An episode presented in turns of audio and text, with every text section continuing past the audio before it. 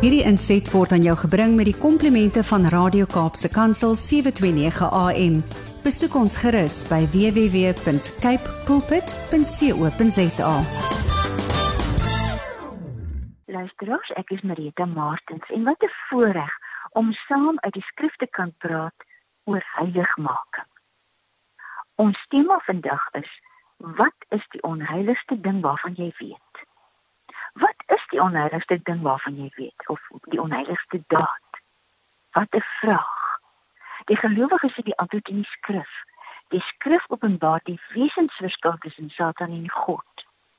Om volgens die wese van Satan te leef, is die onheiligste ding wat ons ooit kan doen. Om 'n fake lewe te leef, om leenagtig te wees en leuns as die waarheid aan te gryp, is die onheiligste ding wat ons ooit kan doen. Satan is onheilig, daar's geen waarheid in hom nie. Toe die Jode Jesus en sy boodskap verwerp het, het Jesus gesê, Johannes 8 vers 44: "Julle is kinders van die duiwel as julle vader en julle wil doen wat julle vader wil hê wat julle moet doen." Hy was van die begin af 'n moordenaar en hy staan nie aan die kant van die waarheid nie, omdat daar geen waarheid in hom is nie. Wanneer hy leentaal praat, is dit volgens sy aard, want hy's 'n leenaar en die vader van die leuen. Die onheilige, die bose, het met sy wesenskenmerk en sy sterkste aanvalswapen uit die mense in die tuin van Eden gekom. Die vader van die leuen, die leenaar van die begin af het vir die mens gesê: "Julle sal beslis nie sterf as julle van die boom van alle kennis eet en daarmee word gedoen." Dit is totaal onwaar dat julle enigiets sal oorkom as julle met alles, ook die slegte eksperimenteer en intieme kennis daarvan opdoen. Julle moet daarom ook weet wat my Satan se volgelinge weet. Julle moet sien, hoor, proe, aanraak en voel wat my volgelinge ken. Moenie worry nie, julle sal niks oorkom nie. Moenie worry nie. Dis sommer een van God se moeilike en knallende wette om julle weg te hou van alles wat so lekker is. Kom aan mense, volg geslag julle eie kop, julle sal niks oorkom nie. Glo my, vertrou my. En die mens wat beelddraer van God was, om glans met lig sondeloos en rein, lewend in die waarheid, verteenwoordiger van God in heiligheid en waarheid. Het die onheilige vyand van God, die Satan, se leuns geglo. Die drie enige God is heilig. Hy is waarheid. Sy woorde is waar. Sy woorde kom van hom af en sy woorde is heilig. Daarom staan daar byvoorbeeld in Openbaring 4 vers 8 Elkeen van die vier lewende wesens het ses vlerke gehad wat aan die bokant en die onderkant vol oë was. Hulle dag en nag sonder om te rus gesê: Heilig, heilig, heilig is die Here God, die Almagtige. Hy wat was en wat is en wat kom. Jesus Christus is heilig soos die Vader en die Heilige Gees. Die Heilige Gees is heilig soos die Vader en die Seun. In Jesus se beskrywing van die wese van die Heilige Gees en die wese van die Satan vind ons die wesensverskil tussen die Gees van God en die primêre altyd aanwesige kenmerk van Satan. Johannes 14 vers 16. Hier praat Jesus van die Heilige Gees. Ek sal die Vader vra en hy sal vir julle 'n ander voorspraak stuur om vir ewig by julle te wees, naamlik die Gees van die waarheid. Maar Satan, hoe is hy? Jesus sê vir ons, wanneer hy Satan leentaal praat, is dit volgens sy aard, want hy is 'n leenaar en die vader van die leuen. En elkeen wat in Christus is, aan ons gee die skrif die absolute beskrywing van die lewe, die wese, die geesvervuldheid van Jesus. In Lukas 4 vers 1 staan: Jesus het vol van die Heilige Gees van die Jordaan af teruggekom en deur die Gees is hy na die woestyn gelei. Ons het gehoor dat Jesus die Heilige Gees, die Gees van waarheid noem. En op grond van sy benoeming van die Gees en die woord van God, moet ons as soekers na die waarheid oor heiligmaking die volgende heerlike afleiding maak. Jesus het vol van die Heilige Gees, dus vol van die waarheid van God het hy na die woestyn toe gegaan. Jesus het vol van die Heilige Gees, vol van die waarheid oor wie hy is, die waarheid aangaande ons toestand, die waarheid van God se geregtigheid en liefde sy bediening begin. Jesus het vol van die Heilige Gees, dis vol van die waarheid aangaande verlossing, die lewe na die dood, die einde van alle aardse dinge, die waarheid aangaande die wêreldgeskiedenis, die waarheid aangaande die wil van God vir elkeen van ons se lewe. Van die Jordaan af teruggekom, hy was in die woestyn en het sy bediening begin.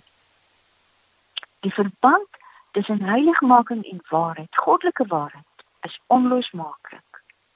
Elkeen wat doop met die Heilige Gees beleef, met ander woorde wat die nuwe lewe in Christus ontvang, ontvang die Gees van die waarheid En elkeen van ons wat Jesus Christus saligmaker ontvang het, het die Heilige Gees, die Gees van die waarheid ontvang.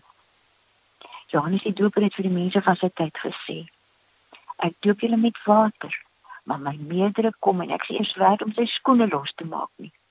Hy sal julle met die Heilige Gees en met vuur doop. Wie is die Heilige Gees? Die Gees van waarheid luister net watter goddelike eienskappe of wesenskenmerke van God, attributes of God, die mensdom in Jesus sien. En altyd sonder uitsondering sal jy die wesenskenmerke herken wat hom van Satan en sy onheilige handlangers onderskei. Jy sal die waarheid in Jesus sien en hoor en beleef.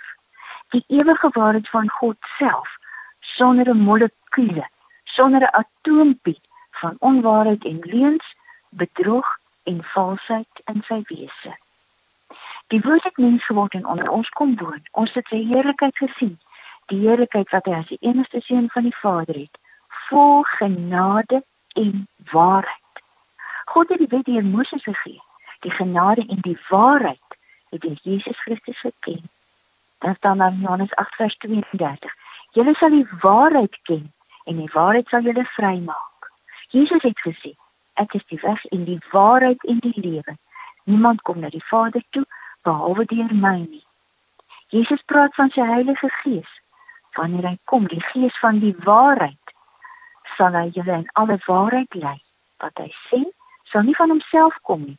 Hy sal net sê wat hy hoor en hy sal die dinge wat gaan kom aan julle verkondig. Tussen hakies en dit sal die waarheid wees. En dan bid Jesus laat hulle aan u toegewy wees deur die waarheid. U woord is die waarheid. En nou lees ons 'n stukkie oor Pilatus se gesprek met Jesus in Johannes 18. Dan is jy tog wel 'n koning, vra Pilatus. Dit is soos u sê, ek is 'n koning, antwoord Jesus. Ek moet oor die waarheid getuienis aflê. Nie voor ek gebore, nie voor ek na die wêreld kom. Elkeen wat aan die waarheid behoort, luister na wat ek sê. Wat is waarheid? sê Pilatus toe vir hom. En dit is die wesensverandering wat in elkeen in die proses van heiligmaking plaasvind. Die Heilige Gees laat ons waarheid praat, doen, dink, uitstraal en leef. Hoor wat sê Paulus in Handelinge 26 vers 25. Maar Paulus sê: Ek is nie mal nie, u edele, maar onder leiding van die Heilige Gees praat ek die waarheid wat elkeen kan verstaan. Hy skryf vir die Romeine in Romeine 9 vers 1. In my verbondenheid met Christus praat ek die waarheid, ek lieg nie en my gewete wat deur die Heilige Gees gelei word, getuig saam met my. Wie God minig en aan Jesus geen erg het nie, ontvang ook sy woord. God openbaar vanuit die hemel sy toorn oor die goddeloosheid en ongeregtigheid van die mense wat die waarheid deur hulle ongeregtigheid probeer on, on, onderdruk. Dit is hulle wat die waarheid van God verruil vir die leuen. Hulle dien vir eer die skepser in plaas van die skepper aan wie die hof vir ewig toe kom. Die wat uit selfsug ongehoorsaam is aan die waarheid en toegee aan die ongeregtigheid, straf hy in sy toorn. Dit kom uit Romeine 1 tot vers 25 ons wil groei in heiligmaking. En daarom staan daar in 1 Korintiërs 5 vers 8 laat ons dan fees vier. Nie met die ou seëdig of met die seëdig van ons seëdigheid en ander sonde nie, maar met die ongeseëde brood van reinheid en waarheid. Here ons Here, praat met elkeen van ons. Ons wil gereinigdes wees. Reinig ons deur die waarheid. U woord is die waarheid. Amen. Hierdie inset was aan jou gebring met die komplimente van Radio Kaapse Kansel 729 AM. Besoek ons gerus by www.cape pulpit.co.za.